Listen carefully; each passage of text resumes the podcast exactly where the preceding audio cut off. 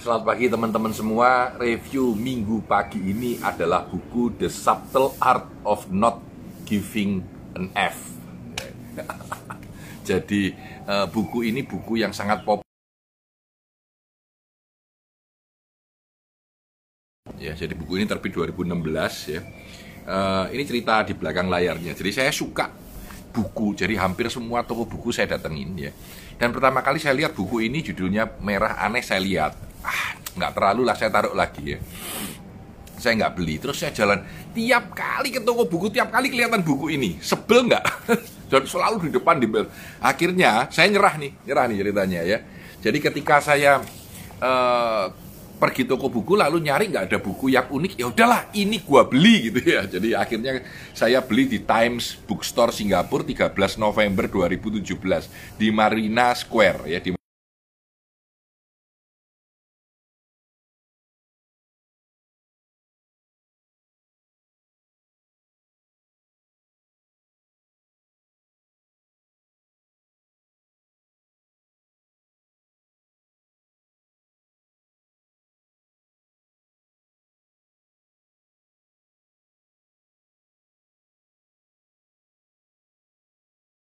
banyak perhatian lalu kita ingin mencari solusi terhadap diri kita sendiri ya. Jadi kalau diterjemahkan apa, apa nih terjemahannya ya? Buat teman-teman yang e, melihat review buku saya ini nanti di IGTV boleh menulis sebenarnya kira-kira maknanya apa penerjemahan kalimat ini ya. The subtle art of not giving a fuck ya. Jadi intinya adalah gak usah terlalu pedulian lah gitu sebodoh lah gitu ya kalau dalam bahasa pendek terserah kamu lah gitu ya jadi nggak usah terlalu perhatian terhadap kehidupan ini Oke, saya baca yang yang menarik ya. Yang pertama dia bilang don't try gitu, don't try. Dan dia cerita bahwa kalau Anda selalu mencoba ini, mencoba itu lalu berusaha berharap dengan apa harapan orang. Udahlah nggak usah peduli lah ya. Buat apa peduli? Apa yang kamu suka lakukan. Yang nggak suka ya udah gitu. Jadi buku ini ditulis dalam bahasa conversation yang cukup menarik ya. Bahkan dia bilang bahwa happiness is a problem. Kenapa? Karena orang mengejar happiness. Anda bisa bayangkan ya. Jadi kalimatnya dia adalah uh, the spiral the feedback loop from hell jadi kalau Anda berharap, waduh aku kepingin kurus gitu ya. Lalu Anda berusaha menguruskan diri, menguruskan diri. Lalu diet, makan, diukurin semua ya. Terus sudah kurus pun masih nggak terima, oh harus olahraga. Anda nggak terima terus gitu ya. Selalu begitu. Orang kepingin kaya, waduh aku kepingin kaya.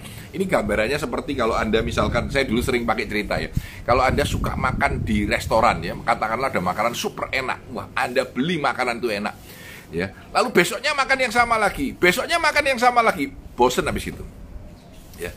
Jadi kita bosen. Jadi kita harus tahu kapan mengejar dan kapan tidak usah mengejar gitu. Dia bilang bahwa feedback loop from hell.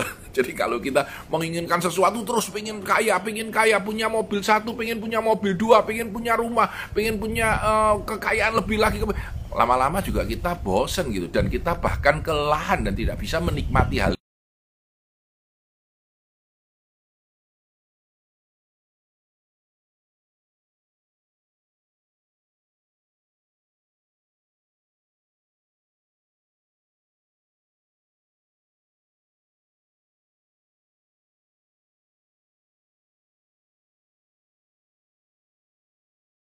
Ya seperti orang lainnya, tidak ada yang beda antara kamu. Kamu juga tidak usah terlalu mikir bahwa kamu tuh hebat, luar biasa. Ya sudahlah, kamu ya kamu, tidak usah terlalu mikir yang aneh-aneh ya. Ya, jangan menjadi extraordinary, jangan menjadi orang mau, wah aku mau hebat banyak, aku mau hebat gitu ya. Dia bilang, tidak usah, dia bilang you are not special. Ya, setiap hari kita selalu ditunjuki hal-hal yang spesial. Orang yang sukses, orang yang kaya, eh, orang yang mainan IG tahu-tahu pesertanya ratusan ribu followernya, lalu ada orang yang bikin satu video jadi terkenal luar biasa. Kita selalu diekspos eksploitasi dengan melihat hal-hal yang hebat di dunia ini. Padahal kita kurang, gitu. sehingga kita kadang-kadang duduk, kok bisa ya orang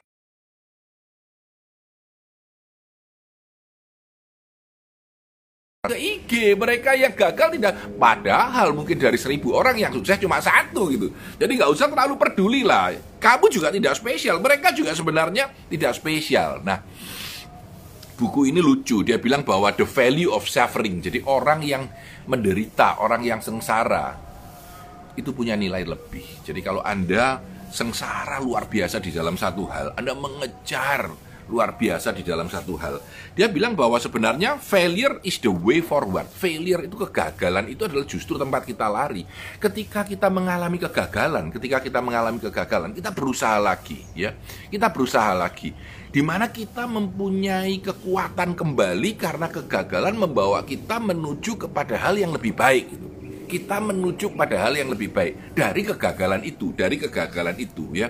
Jadi kamu tidak tidak spesial gitu. Kamu itu ya biasa seperti orang lain ya. Dan dia bilang bahwa suffering itu punya value yang luar biasa. Ya, suffering itu punya value yang luar biasa. Nah, chapter 5 ini bilang you are always choosing. Kamu selalu memilih. Sebenarnya hidup ini pilihan dia bilang ya. Kamu mau milih apa gitu. Mana yang kamu pilih, kegagalan mana yang kamu pilih, ya. Itu yang kamu pilih. Dia bilang begini ya. Banyak orang yang bisa kamu salahkan. Kenapa kamu gagal? Kenapa kamu tidak bahagia? Kenapa kamu tidak berhasil dalam bisnismu? Tetapi hanya satu orang ya yang responsibel yaitu dirimu sendiri. Karena kamu memilih metrik suksesmu dan metrik bahagiamu itu kamu yang memilih sendiri. Tidak ada orang lain yang bisa memilih ya. Jadi kamu sendiri yang memilih. Ya itu hakmu dan itu kewajibanmu dan itu adalah rewardmu apa yang kamu pilih itu ya dia bilang you are always choosing. Dan yang menarik adalah dia bilang bahwa the importance of saying no. Kepentingan kita untuk mengatakan tidak ya, untuk mengatakan tidak. Jadi jangan terlalu mau semuanya oke okay, gitu ya. Jangan sungkan sama temenmu diajak meeting, padahal aku nggak perlu sama dia loh dan aku sedang sibuk loh. Tapi karena sungkan nggak enak, ya sudah pak, ya sudah pak, gitu ya sudah pak. Nah ini problem menurut saya. Jadi kita harus sedikit cuek ya. Ini sebetulnya generasi baru sangat resonans dengan ini. Dia bilang kita itu tidak usah terlalu perhatian sama orang lah, kita sedikit tidak peduli lah ya, kita akan biarkan aja gitu ya. Dan menurut dia ya ini kehidupan kita gitu. Ya, pilihan akan kegagalan, pilihan akan kesengsaraan, pilihan akan yang kita pilih yaitu diri kita, yaitu yang kita kejar dan itu yang kita harapkan ya.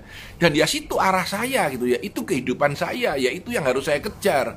Jadi jangan terlalu peduli orang lain ya dan jangan terlalu memikir kenapa orang itu bagus di sini, kenapa orang itu hebat di sini. Saya akan baru, nggak usah peduli. Ya pokoknya mau jalankan aja dan Anda tidak spesial, Anda tidak spesial ya. Di buku ini dia cerita tentang Charles uh, Charles Bukowski, Charles Bukowski, Charles Bukowski. Seorang penulis yang gagal, seorang yang kehidupannya hancur, seorang yang bekerja di kantor pos, 30 tahun dia gagal. Ya. Kehidupannya hancur.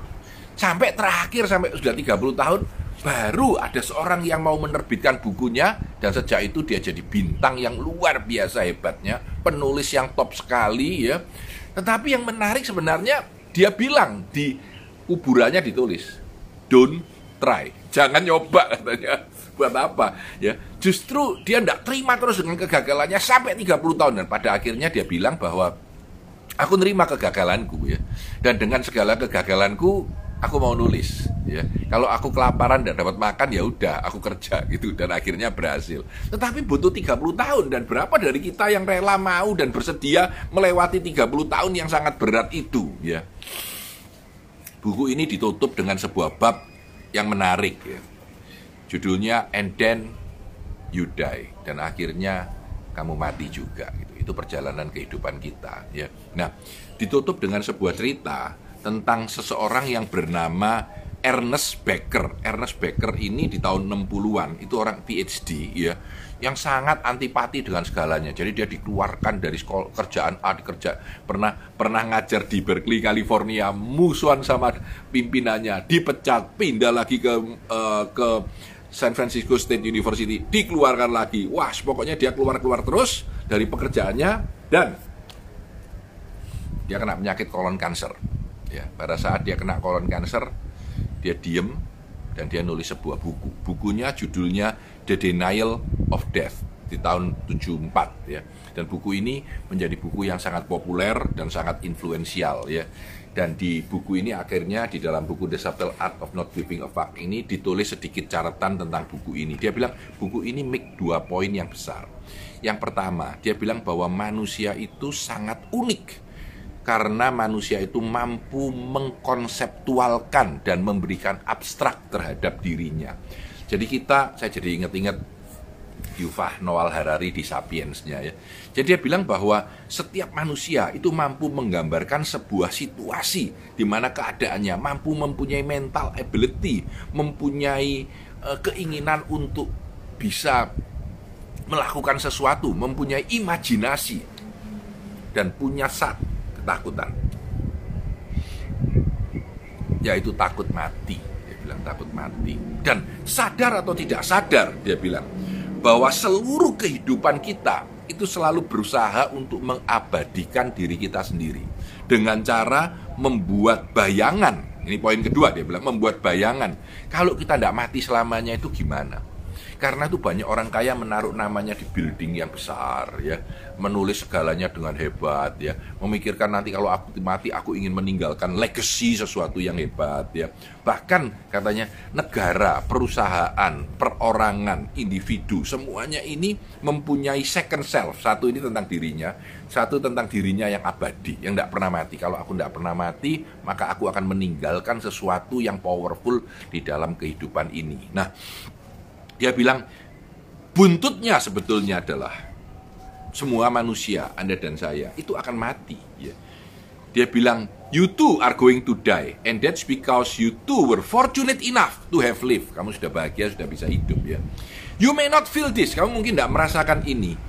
But if you stand on one good cliff dan melihat pemandangan yang indah begitu ya, maybe you will. Mungkin kamu akan merasa bahagia. Nah, Pertanyaan saya yang menarik adalah apa yang membuat Anda bahagia? Apa yang akan membuat Anda merasa hidup ini hidup? Apa yang akan membuat Anda merasa bahwa ya ini hidupku gitu? Tulis di komen ya. Satu kalimat pendek aja ya.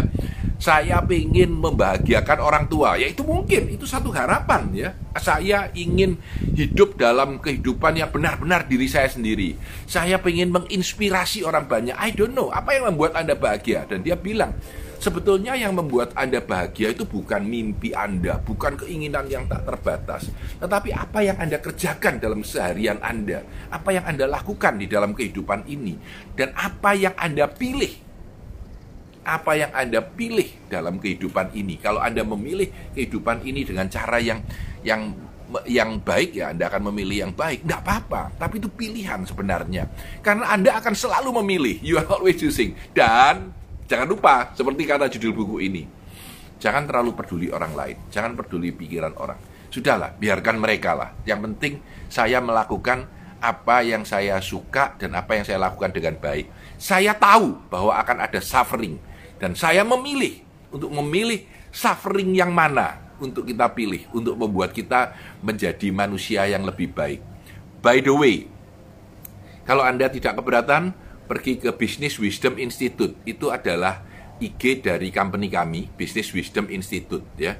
Anda pergi ke sana karena sebentar lagi saya akan mereview buku yang sama dalam bahasa Inggris, dalam bahasa Inggris. Ini juga latihan saya untuk membaca dalam bahasa Inggris, berbicara dalam bahasa Inggris walaupun sering berkelepotan ya. Sudah ada tiga atau empat. Dulu awalnya di review buku ini saya pakai bahasa Indonesia, bahasa Inggris, bahasa Indonesia. Tapi saya pikir nggak enak juga. Jadi saya akan mereview buku dalam bahasa Inggris. Kadang-kadang buku yang sama, kadang-kadang buku yang lama di dalam uh, IG-nya Business Wisdom Institute Business Wisdom Institute. Saya kira itu saja. Terima kasih. Saya Tanah di Santoso. Kalau Anda suka dengan IG Live ini, tolong di-share ke teman-teman, diberitahu supaya mereka mengikuti. Saya sudah mencoba untuk setiap hari stay dengan satu buku. Kemarin terpaksa ke kantor bongkarin. Cari buku apa ya, buku apa ya. Bongkarin banyak. Karena setiap hari satu itu pada awalnya terasa mudah. Karena saya membaca begitu banyak buku ya. Tapi pelan-pelan juga merasa agak sulit mulai melakukannya. Tapi saya akan berusaha terus sampai saya merasa jenuh atau bukunya habis. Saya Tanah di Santoso, sukses selalu.